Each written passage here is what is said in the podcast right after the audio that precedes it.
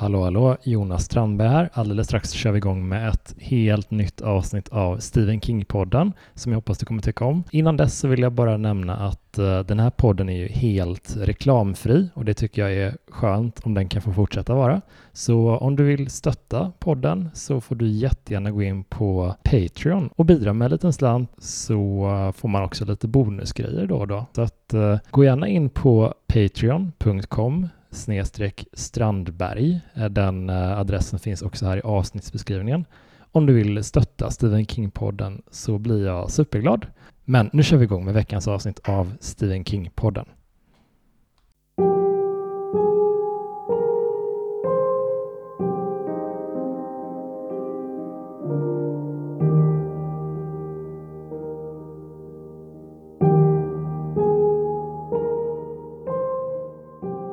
Och välkommen till Stephen King-podden med mig Jonas Strandberg där jag varje vecka bjuder in en gäst och så pratar vi om en av Stephen Kings väldigt, väldigt, väldigt, väldigt många berättelser. Och den här veckan så har jag den stora glädjen att bjuda in en eh, första gångsgäst i podden, min kompis Johan Hurtig Wagrell.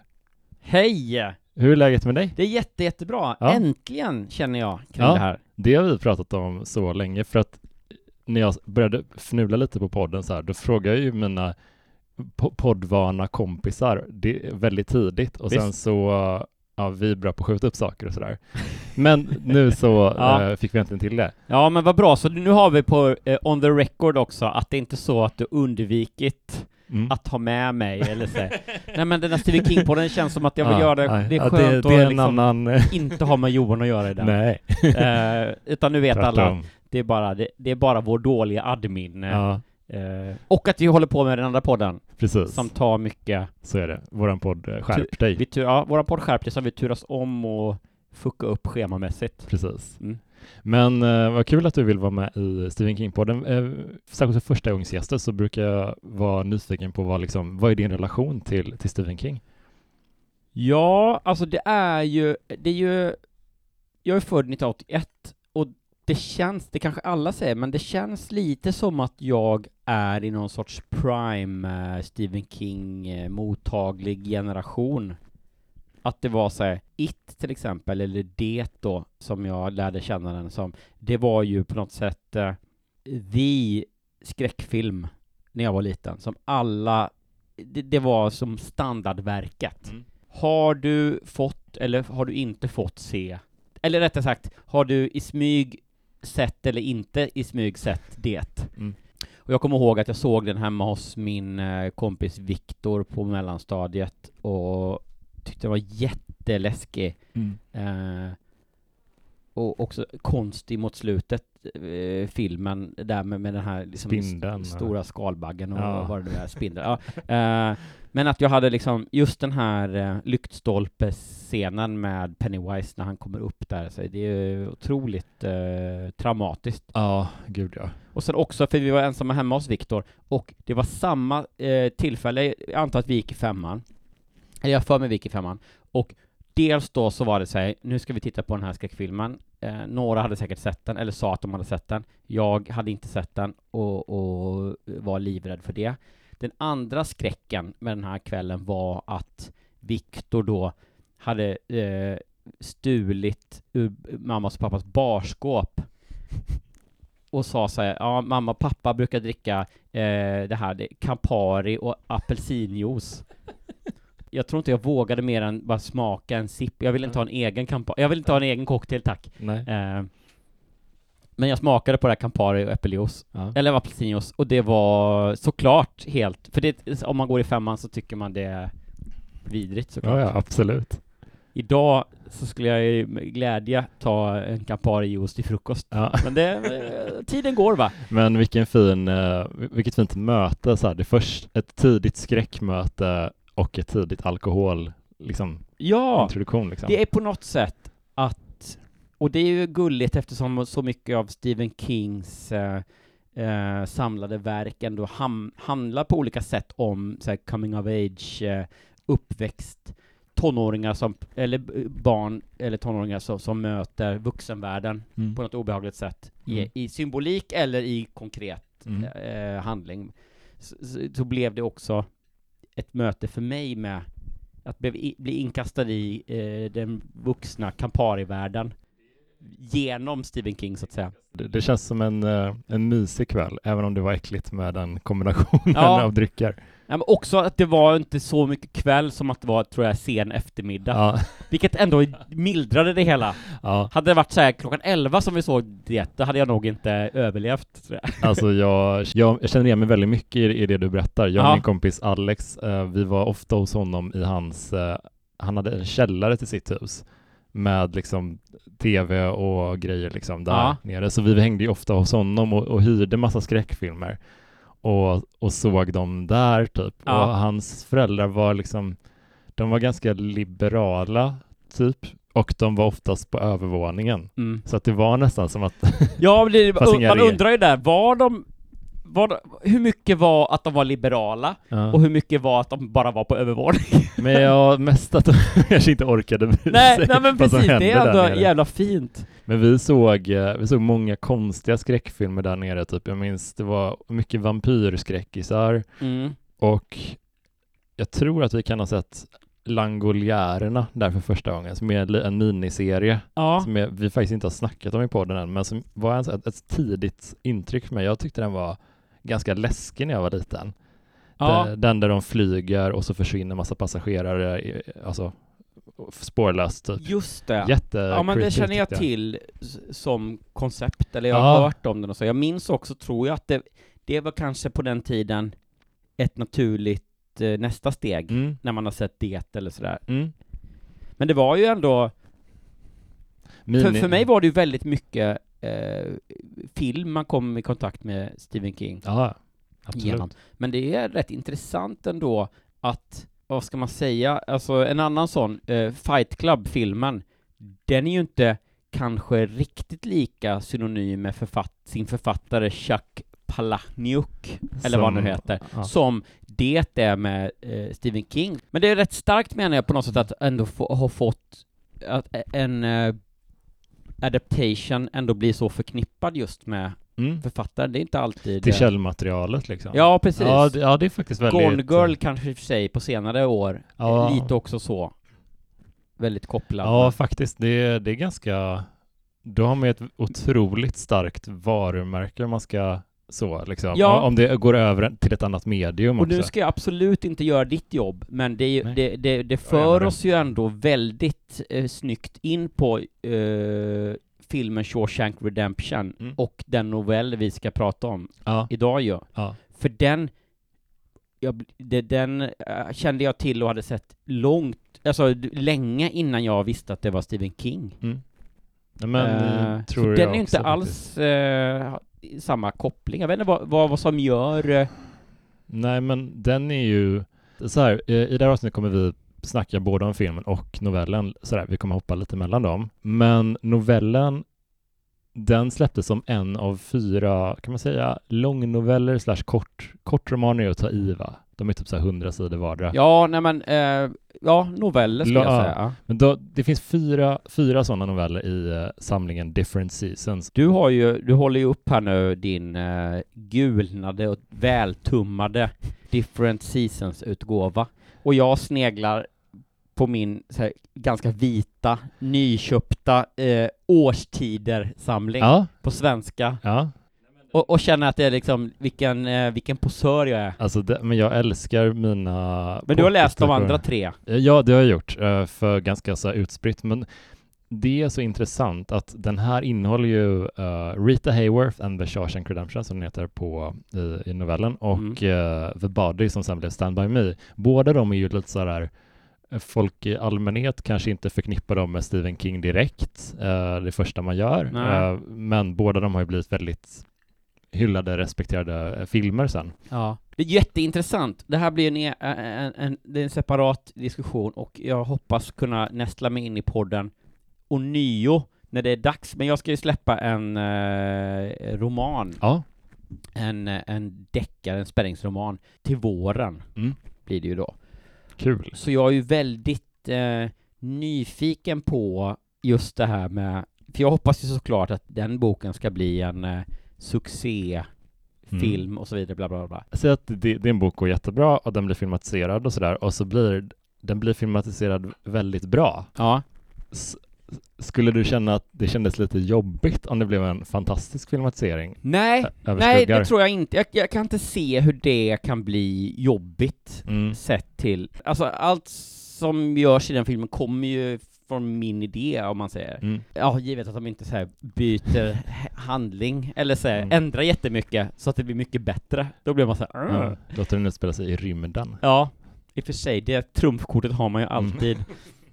nej, nej men så det känns bara bra, men däremot så är det lite så här, eh, och nu är det så här, jag, jag springer iväg i tanken och fantiserar och drömmer lite, men om man tänker sig då att det ska bli en eh, för jag är ju skådespelare också, jag är ju eh, eh, manusförfattare och jag är ju eh, också regissör. Det är en rolig utmaning att adapta sin egen bok till ett filmmanus. Återigen, vi, jag nämnde Gillian Flynn nyss. Hon Mm. tror jag skrev eh, screenplayen till Gone Girl, Mm. sin egen roman liksom. Ehm, och det vore ju mäktigt att testa att skriva, jag har inte skrivit ett helt filmmanus Jag, tror, jag tror typ det är det som, där ny, ligger nyckeln liksom, att man, för, jag kan ju ingenting om det här, men som författare att, att, skri, att skriva manus till en filmatisering och sen låta en regissör, jag vet inte exakt hur det funkade med uh, låta en rätte komma in, men jag tänkte direkt på att Jonna Ajvide Lindqvist som skrev romanen Ja. och Thomas Alfredsson som sen regisserade, de är ju båda, de har ju båda jobbat med humor på 90-talet väldigt mycket. ja, De är, väldigt profilerade 90-tals, uh, ja. Och då tror jag att de ändå har på något sätt, de ligger lite på samma våglängd de två. Alltså, Ja, ja, så att du Någonstans. menar att jag ska eh, låta typ Magnus Bettner regissera min... ja, det är ja, precis det jag tänkte Det faktiskt. låter, lå, låter lovande. Ja, Ja, men det om det, det är, mer sån diskussion Ja. får bli när det är närmare på. jättegärna. Men, men eh, det är ju intressant ändå hur det kan vara så mycket Stephen King och Shawshank Redemption kan vara så lite Stephen King i det Mm. allmänna medvetandet på något sätt. Ja. Nu när jag har läst så mycket Stephen King inom en relativt kort period Mm. så har jag börjat hitta de här små sätten, de här små greppen som man ofta använder, typ att han eh, låter ofta folk prata på ett visst sätt som är lite så här, hans karaktärer är ofta lite så här oversharers, att de berättar lite så här ganska tidigt ganska mycket om sina liv typ, på ett sätt som är så här I böckerna eller? Ja, exakt, exakt. Och, och det kan man se ganska mycket i, i typ skräcken, man kan se det mycket i Stand By Me The Body, och man kan se det lite här att om, man, om man kollar på då novellen som vi ska ha lite i fokus idag, Ja. eh, mm, Rita, Hayworth, alltså Rita Hayworth and Shawshank Redemption, den har en så konstig titel, den novellen. Jag tror att den formella titeln, kolla här. Ja, alltså Shawshank, ska vi, eh, ja men är det The Shawshank Redemption, eller Rita Hayworth and Shawshank? Nej, Rita Hayworth and the Shawshank Redemption låter ju rimligt. Den heter Rita Hayworth and Shawshank Ja, det Redemption. gör det, ja. Det är så konstig titel. Styltigt ändå. Riktigt knackig titel. Um, nej men där har vi ju, berättaren där är Red, Mm. som är en, en snubbe som har suttit inne länge. Och Shawshank, eh, det är ett fängelse. Ja, men det är Red, alltså då, Men- eh, vad ska man säga, Morgan Freemans karaktär Ja, som berättar novellen. Precis, han, han, är liksom, han skriver den som eh, under ett par års eh, period liksom. Eh, Red då. Han, han berättar om sitt, eh, sin roll på fängelset. Red är alltså fixaren kan man säga, typ, på Shawshank. Eh, Just det. han är den som, om man behöver någonting från utanför murarna, så kan Red ordna det till ett skäligt pris ofta. Han är ganska hygglig sådär, han skinnar inte sina fellow inmates på allt för mycket pengar. Så han verkar vara en hygglig snubbe, så han berättar lite. Det, det är genom Reds blick som vi möter eh, Andy Dufresne, som då är filmens huvudperson kan man säga. Vi kan, vi kan göra så, vi hoppar lite mellan dem så kan vi dra lite trådar typ. Så. Ja, Ehm, för jag har två, eh, jag har markerat två ställen i Mm. novellen där, där de skiljer sig åt. mm, no- nice. novellen och filmen. Som jag ty- själv tycker är jävligt intressant att prata om bara. Ja, Särskilt där det en, ja, ja det på något sätt, eh, ja men lite som det du var inne på, att det är så här, tänk om filmen blir bättre, Mm. om man säger, alltså säger, uh, ja, de har hittat detaljer, och det är klart att man kan inte hitta detaljerna om man inte har grunden. Nej, just det. Så det är ingen, så här, ingen shade på Stephen King alls. Mm. Men eh, det är ändå spännande, lite, för, för det man jämför en eh, novell med en film, det är helt, två helt olika Ja, saker. eh, jag har tänkt på det ganska mycket. Jag vill jättegärna höra om de iakttagelserna. Mm. Men jag avbröt det lite också. Nej, men, men jag tänkte typ så här att eh, vi bara drar lite plotten typ. Ja. Det berättas ur Reds perspektiv. Andy Dufresne kommer in till, han blir intagen på Shawshank. Eh, han, eh, han sitter i fängelse på två livstidsdomar för att han har mördat, eller han, har, han sägs ha skjutit sin fru och fruns älskare i sömnen. Och eh, eftersom fängelsesystemet är som det är i USA så det är två personer, det är två livstider, då ska du sitta här i två, ja, Ja. ja det är så som det är. Men han är, han är en ganska positiv karaktär, alltså Andy Dufresne. Han, är, han, är inte, han låter sig inte sänkas av att vara in, intagen, utan han, han börjar ägna sig åt olika projekt. Han, eh, han putsar sådana, polerar stenar och slipar stenar och gör, gör liksom snygga skulpturer av det. Ja. Han hjälper eh, vakterna och personalen på fängelset med olika ekonomiska grejer. För han, är välutbildad, det Ja. är tydligt både i boken och filmen att eh, han är en udda fågel i fängelset och på Ja. något sätt att han inte då väljer är väldigt fel ordval, men att han i alla fall inte, han lyckas stå emot att malas ner av fängelsesystemet mm, på något sätt. ganska länge. Eh, ja, ganska länge, exakt. Mm. Ehm, och upp, försöker på något sätt få livet att fortgå lite Ja. grann i... eh, så det är ju en, på sätt och vis en, kanske... ja, Jag har aldrig suttit i fängelse, men, men uh, än mindre i USA. Mm. Men det känns ju som en, ändå lite romantisk eh, infallsvinkel Mm. på li- fängelsesystemet eller, eller Ja, så. det har du verkligen rätt i. Min största, inte, det är inte exakt en fobi, det är verkligen att i, men jag har väldigt svårt för fängelsefilmer typ. För att Okej, jag blir så ja. jävla klaustrofobiskt. Alltså jag blir så, tycker det är så stressande. Ja, det är jobbigt. Ja, men det är liksom att det, det tjocka murar, det de är liksom förpassade till små ytor. Ja, det, jag blir väldigt så. Ja. Ja. Det finns ju någon film med Val Kilmer, eh, in, lite nyare, ja. eller eh, säg, i Val Kilmers Är det den när han har senare. tjocka glasögon typ och är ganska storvuxen? Ja, jätte, alltså riktigt så. Jag tycker mycket om den. Ja, filmen. den är svinbra. Och sen också då serien Oz Mm. är ju också överjävlig. Men Mm. alltså båda så pissjobbiga. Mm. Så att jag, säger, jag har velat se om båda dem, varit sugen på, du vet, jag vill Ja. se om dem men också säga orkar inte. Nej, man Ja, måste ta sats liksom. ja men det är verkligen, Men jag upplevde inte det, jag kommer inte exakt ihåg när jag såg filmen Shawshank Redemption för första gången, men jag minns att jag aldrig haft en negativ känsla kring den. Jag har inte, det har aldrig känts jobbigt att se om den. Det är en sån film som ibland, kanske vart tredje år eller sådär, så plockar jag upp den och så, och så ser man den på någon streamingtjänst.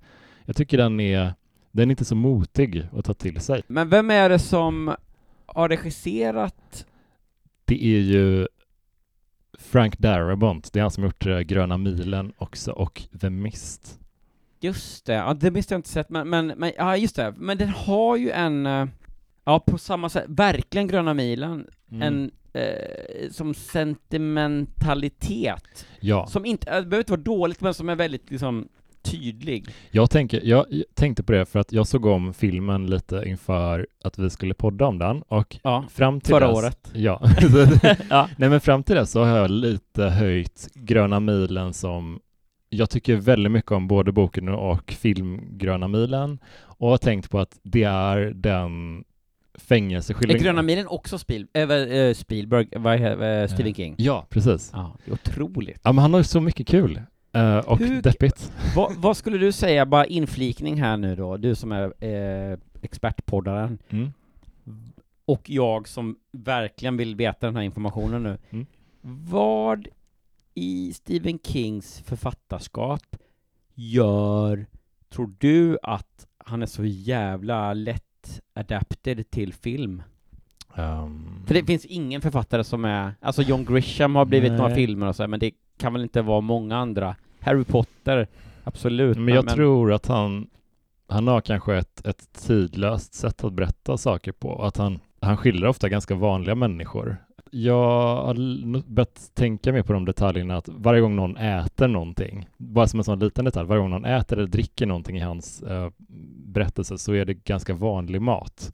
Det, det, men det är, det är inte dyr mat, det är inte, det är inte fancy eller fine dining, det är typ bara, de grillar ganska mycket, de äter typ eh, fast food, eh, alltså sådana här konserverade grejer som de kokar upp. Alltså det, det är Ja. ganska vanligt käk typ. Så Och det är en jätteintressant, och då känner jag att lite kanske jag måste skriva om min deckare nu, men eh, för, för det är så här, det är så himla lätt att, jag vet inte, för mig i alla fall, att man vill liksom eh, låta detaljer som mat och liksom dryck, min polis till exempel, Mm. har liksom ett favorit bourbonmärke som hon eh, eh, dricker och sådär mm. att det, det, det är en sån yta som man så gärna vill använda till att hinta, eller visa någonting. Mm. Mm. Säg vad du dricker eh, för bourbon och jag ska säga vem du är. Det, Liksom. gör, det säger ju jättemycket om en karaktär Ja. ändå, på, på olika, alltså. Men att han kanske då liksom, eh,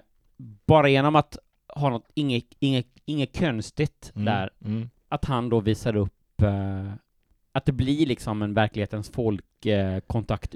Men jag tror, jag tror lite att det är så, för att det, det, det har varit ganska återkommande genom typ från början till, till nu, liksom att det...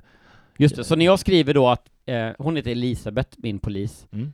att hon dricker Michters bourbon, Mm. då blir liksom alla, då liksom hatar alla boken. Men om jag byter till att hon så här, öppnade en, en flaska tax-free Grants ja, whisky, ja, det då kommer, då kommer det, då, då blir liksom, då blir jag Stephen King plötsligt. Det beror ju också, tänker, jag tänker att det beror på vem, vad du vill skildra för person liksom. Ja, alltså vissa, såklart. han gillar ju väldigt mycket att skildra verklighetens folk sådär liksom. Ja, På samma, samtidigt som han, ja framförallt då på senare år, gillar att pissa på Donald, Donald Trump och, och Trumps väljare i offentliga sammanhang. Så att de brukar identifiera sig som vanligt folk, Trumps väljare. ja, Så att det, det är en liten intressant dubbelhet. ja, där vill han ändå där. liksom ta avstånd, ja. Tydligt, tydligt.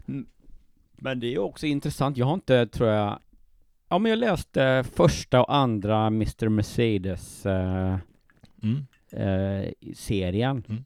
Det är det senaste, eh, det mest samtida Stephen Mm. King jag har tagit till mig. Ja men de är ju ganska samtida. Ja, och jag såg också att du nu här, eh, eh, ja men den här Holly, Mm. som, jag vet inte, men för mig introduceras hon i Mr. Mercedes. Ja men det var hennes ja, första det var hennes första medverkan.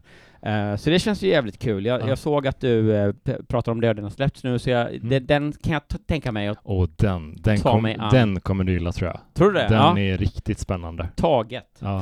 Eh, men, ehm, men ja, annars för mig är ju Stephen King, han hör till en annan tid. Mm. Att det är så här, väldigt så här, inte samtida. Och jag, kan, jag tycker Mm. det är mysigt att ha författare som man placerar i I vissa en liksom, era tids... jag, jag är ju ett stort fan om, av eh, salig Tom Wolfe, Mm. författaren. Och Det var väl han som skrev typ New Journalism och ja, han var en stor del i det, i det, i det liksom facket.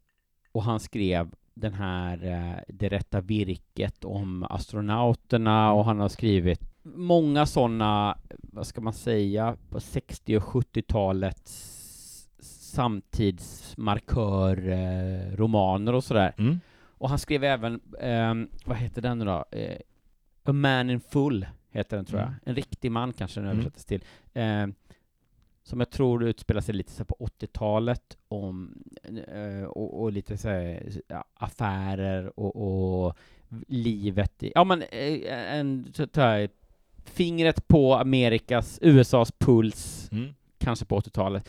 Och Bonfire of the Vanities, Mm. såklart med börs...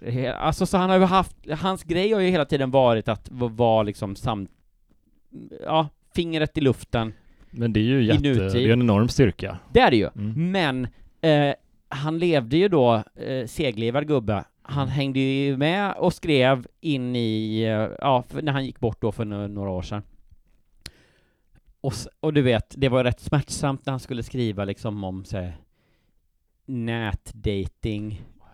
Ja, men du vet, det blir så här, Ja. eh, man, blir, man bara säger eh, nej nej nej, släpp det bara. Ja men det är som G- Jan Guillous senaste bok eh, som Ja. handlar om cyberbrottslighet. Ja men det har Jag vi pratat om i vår andra på det. podd. Det är otroligt. eh, Ja, Och, och det är li, lite den känslan fick jag i Mr. Mercedes när han, det, han pratar om den här, eh, utan att hålla på att spoila, så har Vem? han har ju, han har ju liksom byggt då en, han är liksom IT-kille lite grann, mm. den här, eh, själva eh, mördaren. ja. Eh, och han har då byggt någon grej som kan typ hijacka bilnycklar. Ja, just det.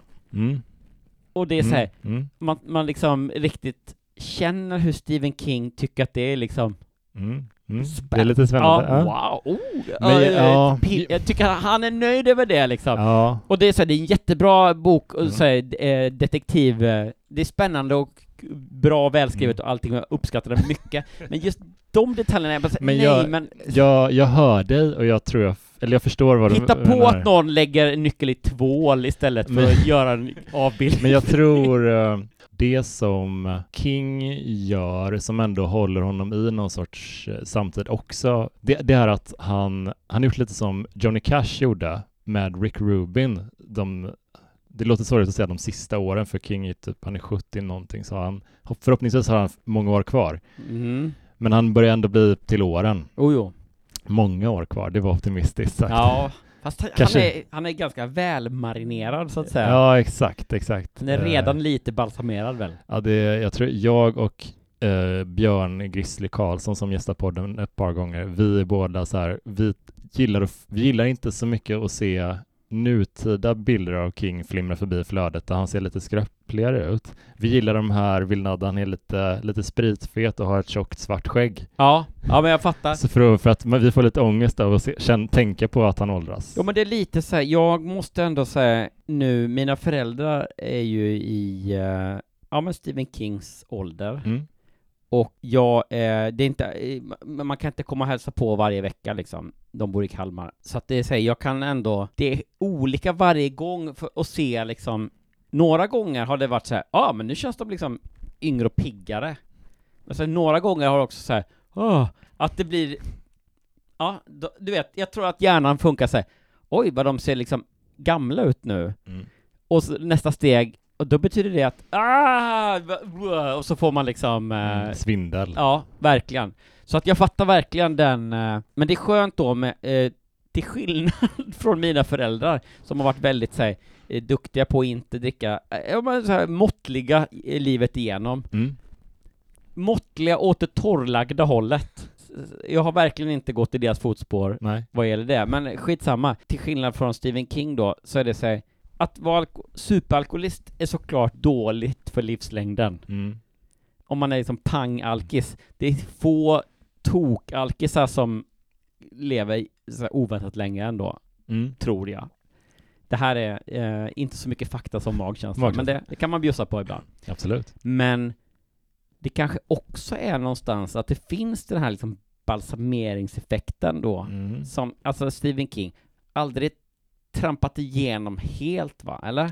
Jo, men han... Han gjorde eh, kanske det. Ja, Ja. men han hade en sån intervention typ på, där hans familj, i slutet av 80-talet, hans familj bara nu måste du sluta. Okej, Alltså du ja. får inte dricka mer nu. Det är, det Ja, är men det är kanske verkligen- det som är, att man ska ha en sån som man ändå bryter eh, trendkurvan. Ja, ja men tror, tror det. Han har ju varit nykter i minst 30 år, 40 kanske till och Ja. med nu då. Så att, ja. Men att han har tillräckligt mycket, jag vet inte vad hans favoritgift var, men att han har tillräckligt mycket så dominikansk rom Mm, i- i cellerna. Vad dricker vanligt folk Johan? det är det han har det. där. Herre, dominikansk rom. Men, men vi har ju sagt det, Grants whisky. Ja.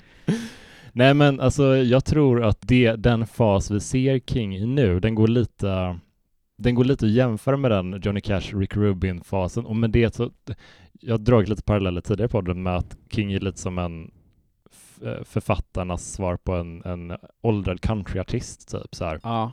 Att det som Johnny Cash gjorde under sina många sista år Eftersom han dog när han var mm, En ålder. Ja. Ja. Det var att han eh, spelade in en serie med, eh, det blev sex album till slut, med, eh, som hette American Recordings, som var coverlåtar liksom.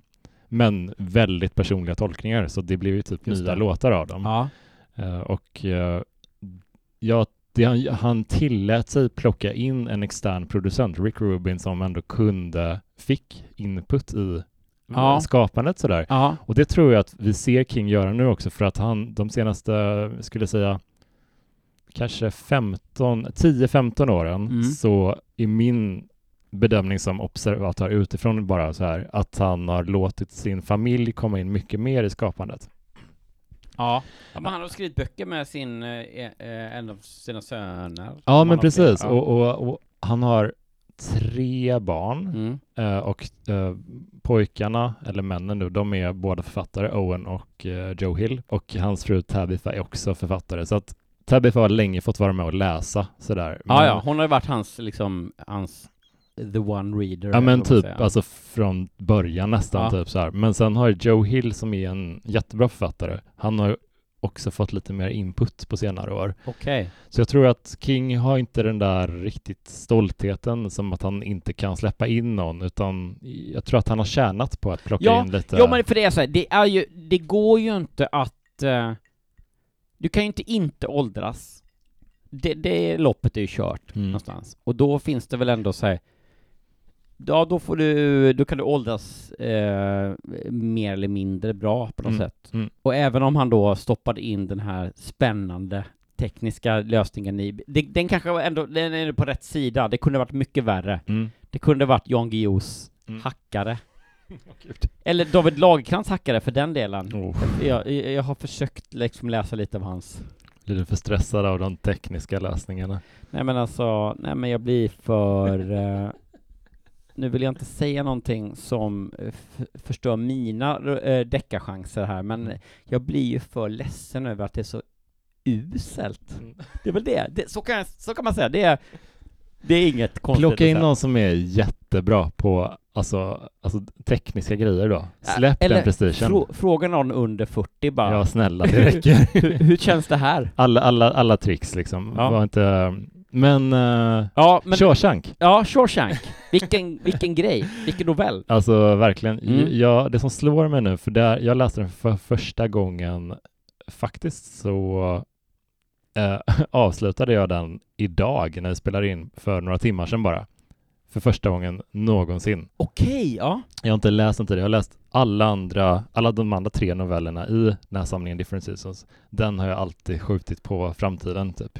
Även liksom innan eh, du hade någon poddstrategi att skylla på Ja, så, alltså utan- ingen, ingen, den har bara alltid så här, ja men jag har sett, jag har alltid tänkt så här, jag har sett filmen så många Ja. gånger, jag kan den här historien, det, Ja. jag behöver inte, men sen så läste jag den nu. Det hindrade inte när det gäller det, eh, Gröna Nej. milen eller någon annan, Sä- Nej, men- säger Stephen King surt. Jag tror att det, det har gått i kurvor, först såg jag filmen så många, så många gånger, Ja, och sen så började den, jag irriterade mig på att den dök upp på, så högt på IMDBs topplista över bästa filmen någonsin, ja. och då började jag tänka typ så här, ja men den ligger bara där för att folk som såg den har cementerat sin smak. De kommer aldrig omvärdera någonting. De kommer liksom inte, de som har satt den så högt uppe på den här listan, de kommer aldrig tänka om en ny film, kan det här vara en film som utmanar eh, Shawshank Redemption? Utan de har bestämt, de har ett kan, en kanon fast mejslad i betongen liksom ja, just det. Inget får vara bättre än den. Nej, de har bestämt sig och det är en film de såg när de var ganska unga och Ja. den får ingenting röra. Och den, den approachen till film har jag irriterat mig på så mycket under Ja, jag tid. förstår det. Att det blir liksom outtalat att säga, okej, det här är den bästa filmen jag sett förutom Shawshank Redemption, så den måste ju få det högsta betyget Ja. precis under Shawshank Redemption. fan det är så weak alltså. Ja. Skalan går från noll till Shawshank Redemption. Men jag tror som, det är det värsta som kan hända som typ så här kultur, om man gillar att konsumera kultur, populärkultur så här, att man bestämmer sig för det här är det bästa någonsin. Ja, För att då, då tillåter man ingenting att utmana det någonsin och då kommer man ha ett helt stängt sinne framöver Ja. vad man väljer. Nej, men, och det är som på. alla liksom, recensenter och kritiker som pratar om att man inte vill liksom ge femma till någonting. Mm. För att då är det så, ja då har du satt en så himla, jä- alltså fyra är jättebra betyg. Ja, Det är jätte, jättebra. Det är nästan perfekt. Ja. Eh, det är, det är verkligen bra beröm och du uppskattade det här verket. Men sätter du femma då är det så här, ja då är det bättre än något annat på Ja. liksom länge. Jag, Och det vågar man Mm. aldrig. eh. nej men så, jag har en lite komplicerad relation till den här storyn på något sätt för att jag Men hur mycket i, eh, hade du ändå filmen i typ färskt minne när du började, när du läste den nu då?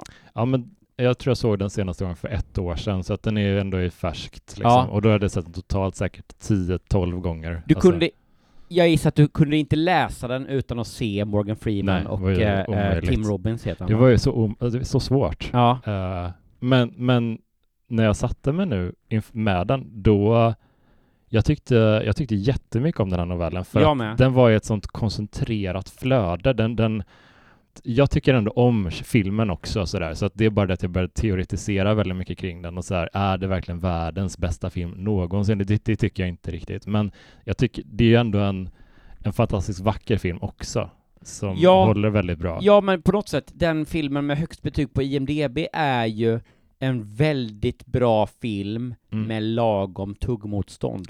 ja, För blir det mer, eh, vad ska man säga, blir det mer eh, att du behöver också, alltså anstränga sig är fel ord, men att det, det tar lite av dig att mm, ta till dig. mm.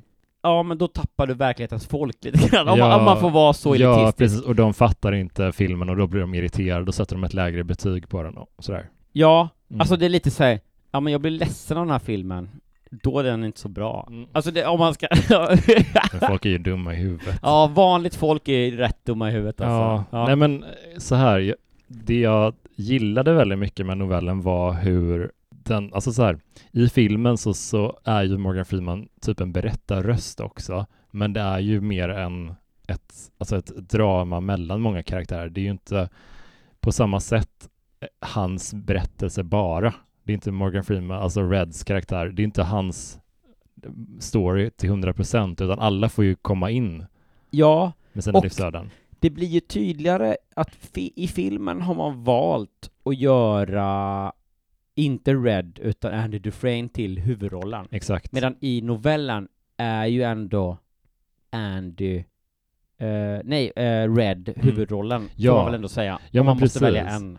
Och det var så intressant för att, ja, precis som du eh, spekulerade och hade helt rätt i, så tänkte jag ju verkligen på Morgan Freeman som Red och blev därför lite överraskad när Red då vid något tillfälle tittade sig i spegeln och tänk, jag tror att det är ett citat som är typ att han mindes den rödhåriga mannen som klev in Ja. genom, genom murarna liksom. Ja. Och nu är han en äldre man, typ så här. Det var, vad är du? Ja, du är röd, då är du vit. Alltså, Ja, men verkligen liksom. att det är så här, ja, och det, han heter, han kallas ju Red. Mm. Jag vet inte om de bryr sig om och på något sätt De gör- det i filmen. Nej, de gör, de gör en kul grej där för att de, jag tror att det, det är någon, kan det vara Andy som frågar Red så här, "Aj, varför kallas du det? Eller varifrån kommer det smeknamnet? Och han säger, "Ah, it's because of my, my hair color, typ, eller något sånt där. Att han bara, va? Nej, men sen ja. heter han, han, hans efternamn är någonting Red, uh, någonting. Redford. Ja, så det är bara en Ja. Ja, kort Ja, ja, men jag grej. fattar. Ja, men de gör ändå det. Ja, men de berörde ändå liksom. Ja. Men på samma sätt som jag gillade Dolores Claiborne för att den inte hade några kapitel, det är ju en roman, men alltså den, det var svårt att lägga ifrån sig den på ett naturligt sätt. Ja, Så ja, man, var verkligen. så, man var inne i berättelsen hela tiden. Och jag gillar verkligen hur eh, den, den lite så här, vad ska man säga, heter det förebud? Vad heter? Förebud? Foreshadowing. Foreshadowing. Foreboding. Ja. Precis, det här när eh, när Andy bör- börjar beställa in sådana här, via Red då, som är fixaren som vi pratade om tidigare. Ja. Eh, Andy börjar beställa in sådana här eh, aff- stora affischer på vackra kvinnor. Ja. Och då frågar Red Andy vid något tillfälle, vad är det du är så förtjust i med just de här bilderna liksom? Mm. Då är det någon bild på, jag tror det kanske är den på Raquel Welch, där hon står på stranden liksom och poserar. Ja. Och det, då säger Andy typ så här, ja men det, det är liksom ändå, det är så grått här, det är som ändå en frihetskänsla. Eh, man ser hon står där på en helt ändlös strand. Det är nästan som att man skulle kunna gå igenom affischen Ja, säger det. och Ja. ställa sig med henne, typ. Och och sen så är det inte så mycket mer om det, eh, utan livet inom murarna fortgår och Ja. folk har sina konflikter och Andy lyckas liksom, har några till en början, men sen lyckas han parera det och är ganska, han hjälper ju så många människor så han är ganska skyddad där. Ja, Men han, han uppdaterar de här affischerna ibland för de blir slitna för han, han sitter där inne ganska länge. Eh, typ 20 år nästan tror jag. ja det är något sånt. Det är helt sjukt ändå det är så tänker efter. jävla länge. Ja.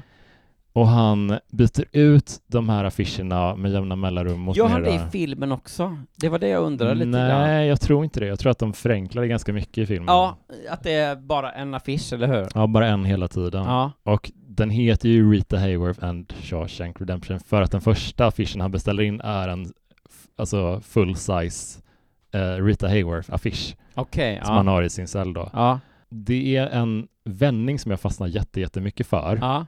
Och det är när Andy Dufresne, han har liksom hjälpt fängelsedirektören med lite skattegrejer Precis. så här, och att, att, att komma undan lite billigare. Ja. Ganska lång tid och har liksom gjort sig vänner med vakterna och liksom har ändå lite perks. Men så får Andy höra, för han har ju inte begått det här brottet han sitter inne för. Nej, och det är ju, eh, jag minns inte nu i, i hur, eh, för de, de förmedlar ju den, den vetskapen på ett trovärdigt sätt va? Mm, mm. Det, det är typ så här att eh, Andy får höra eh, lite skvaller från fångarna liksom att det är eh, en annan person på ett annat fängelse som har skrut, skrutit om Ja, någonting han har gjort. Och det hans, den här andra personen säger, det påminner väldigt mycket ja om det, som Andy sitter inne för. Ja, Men den andra snubben har kommit undan med det. Han sitter inne för något lättare typ. ja, Då går Andy till fängelsedirektören och säger så här. Det här är, det här jag skulle vilja prata med dig om en grej. Det här har jag förstått att det är, det är så här. Den här personen sitter på det här fängelset, har sagt det här. Skulle vi kunna eh, skicka, alltså förhöra den här personen eller undersöka den här kopplingen på något sätt? Och fängelsedirektören pallar verkligen inte. nej, Han vill inte göra någonting åt det här nej, utan eh, är väldigt låst och det får både i filmen och i novellen så får ju det Andy att eh, lacka på honom. Han, han höjer rösten och han, han Ja. skriker någonting till Ja. honom. Och då känner väl lite direktören att okej, du har lite fått lite för mycket friheter nu. Du behöver tryckas ner i skorna. just det. Du får massa luft ja. ja. Ja, men precis. Och det... det Och, och vad händer då då? Eller hur straffar han Andy med det då? Nej men han, han, är, han är ju så här typ att han får ju till, i, i novellen får han tillbringa ganska mycket tid i isolering, eh, vilket verkar vara alltså, fruktansvärt smärtsamt. Alltså om man har lite Ja, fängelseskräck ja. överhuvudtaget så är den grejen att Ja, vara the helt... whole gör inte saker och ting bättre. Eh, fy fan alltså. Men det, det var någon grej jag reagerade lite på nu och det var den här, en, en tidigare scen där när Andy försöker förhandla upp liksom, han, han inser att jag har någonting att erbjuda Mm. fängelsepersonalen. Det här ger mig lite förhandlingsutrymme. Så han låter det göra känt att jag har koll på ekonomi, jag jobbar på bank, jag kan hjälpa er. Men eh, det hade varit schysst om ni ville fixa lite öl till eh, mina Ja, ja, medarbetare. Ja. säger han. Ja. Och eh, när de håller på att laga något tak eller vad fan det är. Ja, just det. Så då, grejen är att han dricker ju inget själv. Han är ju helnyktrist Ja. typ at the time, så att han, det är ju bara för att hans eh, polare på fängelset ska få det. Ja. Så det gör, ger ju honom vänner, men jag tänkte så här länge, är det här för att han ska skapa sig en bättre, alltså jag är kanske lite, lite cyniskt tänkt kanske. ja, du menar att han vill vara schysst men också med en agenda? Jag litar kanske. Jag, Ja. vet, jag vet inte, men jag, jag är inte säker på att det är det, för att det är inte så, alltså det är inte så Red upplever det som ändå var där. Eh, han, säger, han, han skriver, beskriver det väldigt positivt och Ja. liksom upplyftande, så att jag tror inte att det Nej, men alltså på något sätt så får man väl ändå ta, vad ska man säga, Red som facit Ja, i det här lite det. grann. Även om han också, ja vad ska man säga, liksom hjälps, utan att spoila, han hjälps ju väldigt mycket av Andy Mm. sen. Och därför på något sätt antar jag ser det bästa hos honom. Mm. Så, så liksom, om han också gjorde det för sin egen räkning så är det, så, det är alla Det spelar okej ändå med. ingen Nej, roll. det, är- det är inte det stora hela. Nej, men det är väl också så att alla innanför murarna försöker ju bara överleva mentalt och inte kollapsa. Så att det Andy kan och det är den de rutinerna han vet, det är att, f- att fixa med siffror och sådana grejer. Han är Ja. duktig på det. Då är det bra om man kan fortsätta för att han inte ska bryta ihop helt. Nej men visst, men framförallt så känns det som att så här, det är ett sätt för honom att där och då så är det bara så att man ska heja än mer på honom på något sätt. Ja, och i filmen där man, där man kan se mimik och mer sådär, där illustreras det ju inte som att det sker med någon baktanke, upplever jag. Nej. Alltså där är det ju bara för att han vill vara lite hygglig mot folk. Och det är nog också bara ett sätt att kanske liksom eh, lite, så här, vad ska man säga, humanisera tittarens eh, bild och, alltså eh, humanisera fångarna inför tittarens bild lite grann. 100 procent. För att det är så här, ja vi vet att Andy är oskyldig, Mm. men Red är väl skyldig, han mördade väl någon, även om det var så med liksom, Mm. det vart lite tokigt. Typ, Eller så, jag det vet inte. precis så han uttryckte det faktiskt. Ja, jag tror det. det knas. Ja, ja det var ah, jag tog i för hårt, jag är Ja, så men- stark, ah. Nej men, och, och, men alla är ju där och, och är ju liksom, det är the bad guys, fängelsesidan, men Ja, ja. för novellen eller för filmens räkning så är det viktigt att vi hejar på dem och tycker att vakterna är sviniga liksom. ja, men precis. Det, det är ju intressant hur det blir bara man låter någon få, få röst, huvud, alltså rösten att Ja. tala. Då börjar man ändå sympatisera lite med dem. Alltså det, Ja, ja. vi är så enkla som människor liksom. Men det, ja, nej men verkligen. ändå- Say my name liksom. Ja, men det funkar ju ändå uh, bra tycker jag. Och det, det häftigaste tycker jag är det som funkar så bra, särskilt med novellen, det är med Reds perspektiv, att han ser hur Andy, när han blir tilltryckt av den här fängelsechefen då, efter det här, det här hetska mötet, Mm. då blir Andy lite, han sjunker i skorna lite. Ja. Han börjar nästan bli lite institutionaliserad. ja, men precis. Lite väl- grann, lite, lite så. Är det inte så i början också att han är väldigt så inställd på att eh, bevisa sin oskyld, eh, oskuld Ja. och att försöka liksom han, undersöker väl hur kan man komma härifrån och bla bla bla. Mm. Alltså han, du vet, han är verkligen inte eh, här för att stanna. Nej. Men sen så tror man då att han lite liksom finner sig i a- Ah. att spendera resten av livet där. Ja, det är så hemskt. Samtidigt som han också då, det här med att han hjälper och så, tror man då är ett sätt att liksom skapa sig en dräglig tillvaro i Mm. något som är väldigt bestämt liksom. Gud ja. Eh, men som man sen förstår också då att han har lyckats få liksom, eh, ja, det har hjälpt honom i hans flykt Mm, på olika sätt. sådär. precis. Ja, men det är otroligt. Men det är väl också det som är så eh, spännande för att jag säger, jag har mycket tänkt innan att det är så här, sjukt ändå att en novell kan bli en så liksom bra film. Mm. Men samtidigt säga en film, är, ett filmmanus är väl 90 sidor brukar man säga. Mm. Och eh, novellen är väl, ja men 90 sidor. Så, Typ, så, så ja. det är inte så konstigt. På det sättet är det nästan egentligen lättare Ja, att eh, destillera ett, ett kortare manus till ett filmmanus Ja, än att faktiskt. behöva ta liksom en, en du vet, tegelsten. eh, ja. vad heter de, eh, Sagan om ringen-böckerna. Ja, fan vad tufft det måste ha varit. Ja. Alltså. Nej men det är ju verkligen så att jag tänkte på att det kändes ju som att novellen kändes ju väldigt återhållen och eh, samtidigt så här kom, så det fanns så mycket plott på dem det, det, den lilla, lilla Ja, utrymmet. Den ja. känns som att den bara fan vad mycket, många människoöden som bara strösslas och, alltså som biroller lite Ja. så här. Det är någon, den, den fången sitter inne för det det här äter de på fängelset, så här är rutinerna kring rastgård. Alltså det, Ja. alla små Ja, grejer, bara pang, pang, pang så.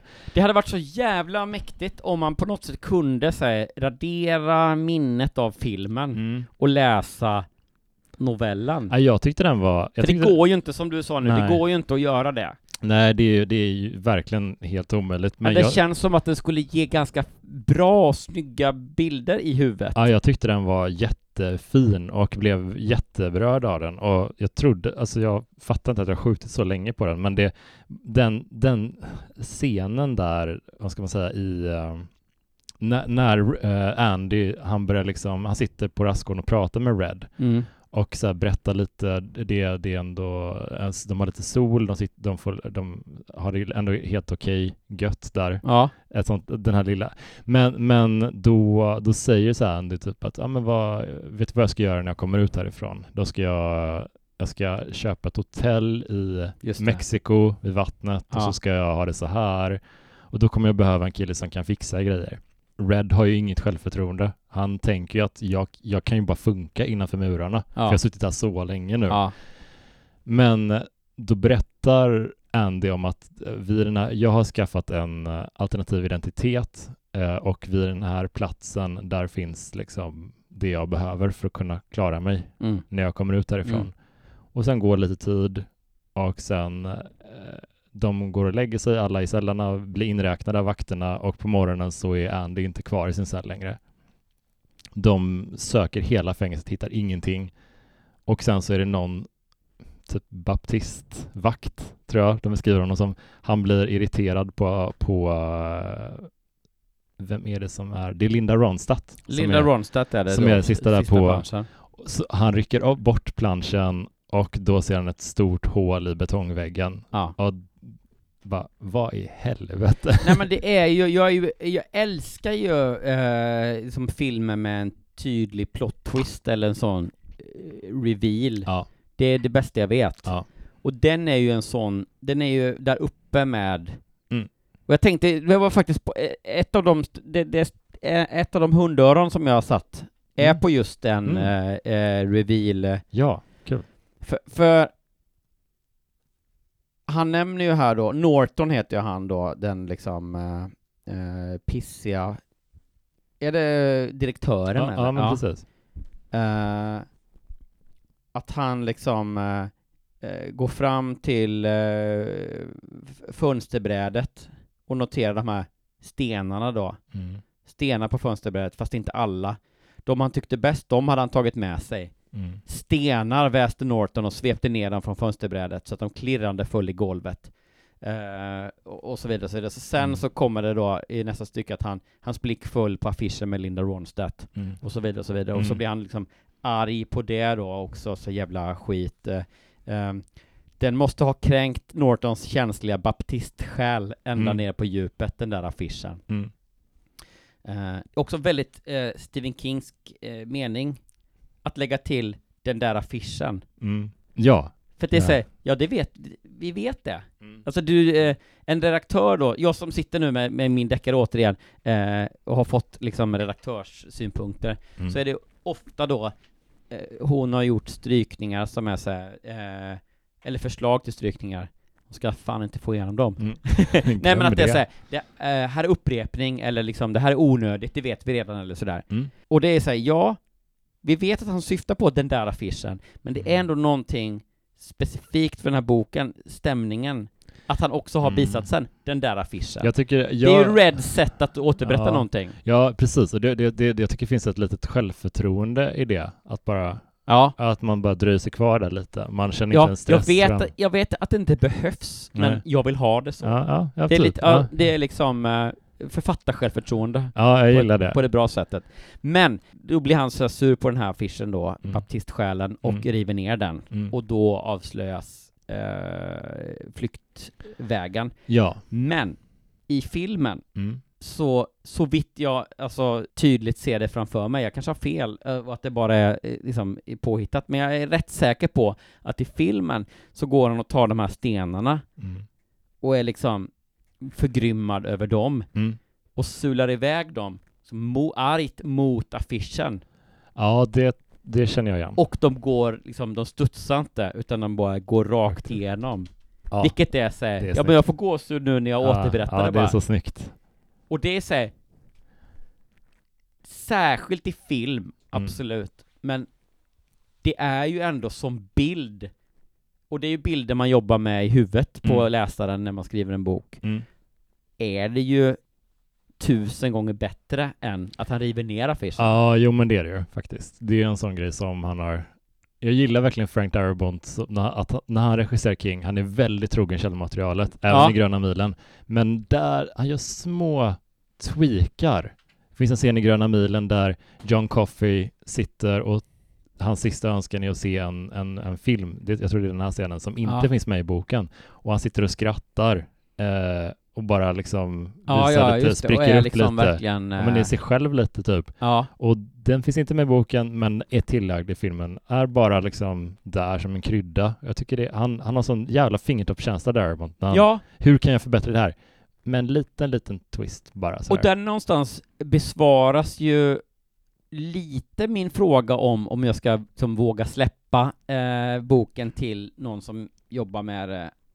För att alldeles oavsett vilken talang eller inte jag har som regissör eller manusförfattare eller sådär, så är det såhär, ja, men man kan inte göra om sin egen grej Mm. med rättvisa eller med liksom färska ögon, Mm. utan allt jag skriver, varenda ord i boken nu kommer ju vara så genomgånget och noga vägt på guldvåg, Mm. så att om jag, att jag ska behöva stryka vissa grejer eller så, här, det kommer vara Ja men jag kan inte, jag är inte fri från eh, grundmaterialet på ett sätt, så jag skulle aldrig kunna jag hade ju valt, och jag hade tyckt då att, eh, eller inte kunnat komma på det här med stenen genom planschen, Nej. så att jag hade ju inte, du vet, ja det kanske jag ska göra så här i filmen Nej, istället. nej, men du kanske Utan det är någon annan, det är någon annan så, som måste Ja. ta vidare på något sätt. Men det, det kanske behövs en regissör eller manusförfattare som verkligen har kapaciteten att bli nyförälskad i, eller liksom förälskad för första gången i en historia. Ja, men lite så. Att, det är det som, att man, att få göra sin grej. ja liksom. precis, och Mm. se där bara shit vad bra det är, men varför gör de inte, ja, ja så här. Ja, Att man, är, man, man känner den lekfullheten typ. ja, Eh, samtidigt som man gill, älskar originalberättelsen typ. ja. Men, eh, ja men sen, eh, de hittar inte Andy. Han, han är spårlöst försvunnen. Ja. Och eh, efter en, det går lite tid, Red får en eh, parole. Det heter någonting på svenska också. Ja, vi- vi- Villkorligt eh, frigiven va? Ja, precis. Och han eh, besöker den här platsen då som Andy beskrev att det skulle ligga någonting på. Och hittar ett, eh, ett brev. För det är också, innan det, det är väl också så här, jag minns inte om det var i novellen också, men det kanske det var, att det är så här, man har sett det här, eh, liksom foreshadowing i att det är någon annan som har blivit frigiven mm, och Och in- kommer till det här tillfälliga boendet eller vad det heter då, ja, men inte klarar sig utanför murarna, Mm. utan hänger sig va, i en bjälke ja typ. alltså klarar inte den här friheten, den Nej, här bristen för, på tydliga... det är mycket prat om det också, att det är så här, man skapar sig ett jätte- nytt liv här i mu- innanför murarna och så vidare. Jag tycker det är ett jätteintressant porträtt av det. Ja. Alltså, det, det känns ju som en grej, Ja. 100 procent. Verkligen. Och sen så får man ju se Red göra alla de här stegen, Mm. så att det liksom det enda som saknas är att han också ska hänga Mm. sig väl, Mm. har jag för mig. Det är typ samma tillfälliga lägenhet Ja, ja, det är det här han packar, eh, alltså mat, grocery bags typ. Ja, han ja, står just bara det. som en sån, han, han har ju det väldigt, väldigt monotona arbetet. Ja, ja, precis. Och sen då så, eh, det som gör skillnaden för honom är ju då Andy och att han har berättat det här, så han åker dit. Mm. Ja, men så hittar han ett brev från Andy på den här platsen Ja, och eh, eh, en helt okej summa pengar som han kan klara sig på. Och han eh, bestämmer sig för att sticka iväg. Och där slutar novellen liksom. ja visst är det så. Där vi lämnar Red, där har han ju planen att sticka utomlands. Han har inte gjort det än, men han tänker jag ska göra det så här och sen ska jag göra så här och sen ska jag göra så här. Och då slutar den så himla fint, verkligen. Ja, ja, men förlåt, men innan det, vi kommer till slutet så säger han ju också att han ska lägga tillbaka det här manuskriptet i. Mm. Det är ju då liksom Stephen King visar sig i, Mm. det, det, det älskar man ju som författare också, Ja. en meta, an, det, du, det du har i din hand är Reds manuskript liksom, Mm, mm. berättelsen om det här. Ja, Nu ska jag lägga ner det här och typ lägga det på posten och få det utgivet ja, i, i, i en eh, novellsamling. ja. Och sen, Fan, jag tycker det är fint alltså. jätte, Men sista raderna bara i, i novellen, jag älskade dem så mycket. Han, Red berättar då så här, när han liksom be- bestämt sig, ja men han, jag ska ta mig till Mexiko, till den här staden och försöka ta den här bussen och sen ska hitta Andy. Och då skriver Red, I hope Andy is down there. I hope I can make it across the border. I hope to see my friend and shake his hand. I hope the Pacific is as blue as it has been in my dreams. I hope. Och sen är det slut. Ja. Det är så jävla fint. Ja. Och det, alltså det blir så himla mycket starkare på engelska. För Mm. jag har det på svenska här ju, och då Mm. är det så här, eh, alltså slutmeningen I hope sammanfattar ju liksom hi- det, på ett mycket bättre sätt Mm. att han har då lyckats skaka av sig fängelsekostymen Mm. och hittar hopp Mm. i tillvaron. Medan på svenska så säger jag hoppas, alltså det är en helt annan sak. Alltså Mm. på sista meningen skulle man egentligen vilja ha på svenska att säga jag har återfunnit hoppet om livet, eller du vet, säg Mm. eh, och den, Det är svårt. att, eh, ordet, jag, eller liksom meningen jag hoppas, täcker inte in det på samma sätt Nej. liksom. Men, eh, men, men jag tycker det är väldigt eh, fint och en tydlig illustration av skillnaden mellan eh, bok eller roman och, eller novell och eh, film. Att i en bok, så, så här, vi fattar ju när vi läser det här, det som man i filmen måste visa, att Mm. han kommer gående där på stranden eller vad det nu är liksom. Mm. Jag minns inte exakt hur det slutar men Mm. vi, vi får ju se att de återförenas, eller hur? Mm. Men i boken behöver vi inte få det.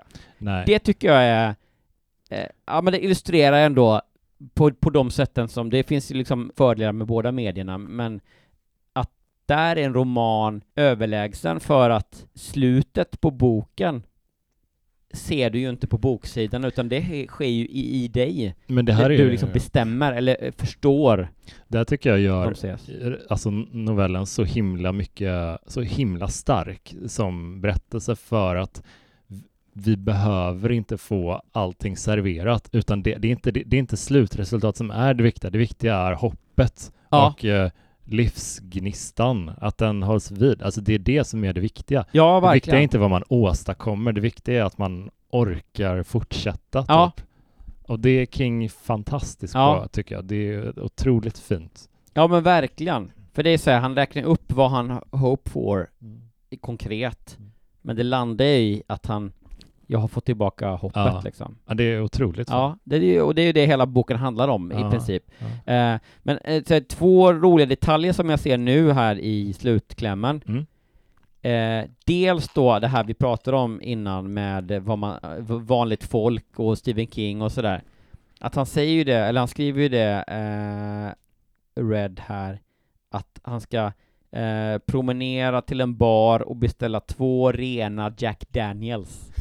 Ja. Inget konstigt Nej, liksom. nej, nej. Jag vill bara whisky, den vanligaste sorten Ja, ni ja, har liksom. det. En för mig och en för Andy Dufresne. Förutom en och annan öl blir det de första drinkar jag fått som fri man. Mm. Bla, bla, bla. Mm. Det är nästan som man skulle säga, förutom en och annan bira. Mm. Och så det säger han vill inte ha någon vin. Nej, nej, nej, Nej. Han är ingen, ingen, avancer, ingen avancerad smak Nej överhuvudtaget. men Det- jag verkligen, och det är så jävla, eh, det är så jävla fint Ja, det är fan, Och eh. eh, vad ska man säga? Eh, perfekt tonträff, om man får säga så. Håller helt med. Sen är det också kul när han nämner den här, eh, att, han ska till den här, det här stället som han har pratat om innan då i Mexiko. Att jag ska säga, få, re, få se om jag kan, eh, en gammal brottsling som jag kan sväva över gränsen och in i Mexiko. Mm. Sen säger jag så här, det är klart att jag minns namnet. Zihuate... Nej förlåt. Zi- Zihuatanejo. Zihuatanejo. Något så vackert kan man inte glömma. Nej typ. precis, Ja. som han bara 'Well, det där är ändå' Det är lite så det kommer. Ja precis, du ska, för, du ska förbi El Paso, det är Ja, okej, det, så det, långt är jag med. det kommer jag ihåg, Ja, men vad ja. hette nu den där liksom? z- z- Jag ser Mm. liksom Red eh, Morgan Freeman framför mig på någon sån här busstation i liksom Mexico City eller någonting och bara eh, Scusi, eh, ja, Skriver ner det, Ja. försöker. någonting, Sushi Basanino, Sakatan Takahijo, Nej. Ah, helvete, liksom. Jävla mardröm. och så står liksom Andy i Zihuatanejo Ja. och bara, varför kommer han aldrig? Nej, Han, han väntar. vi var kanske inte, Han har vi, slutat hoppas. ja, vi var kanske inte så goda vänner. Okej, hej då. Jag tycker vi stänger avsnittet där. Ja, det är väl en jättebra... Det var jättekul. Det var en Eh, jättebra slut. Väldigt roligt eh, att att podda om King med dig. Ja, otroligt uh, kingigt. Väldigt mysigt. att få vara med. Eh, Var, var kan man hitta dig? Man kan hitta mig då eh, i, hem. bokhandeln eh, i eh, mars-april 2024. Ja. Eh, tills dess på Instagram tycker jag Mm. är bäst att titta. Johan Hurtig heter jag bara där. Nice and easy. Ja, nice and easy. Och sen kan man då ja, ta sig vidare i eh, JHWU, Mm. som jag har börjat kalla det, Johan Hurtig Wagrell Universe. Inspirerad av Marvel, lite grann. Ja.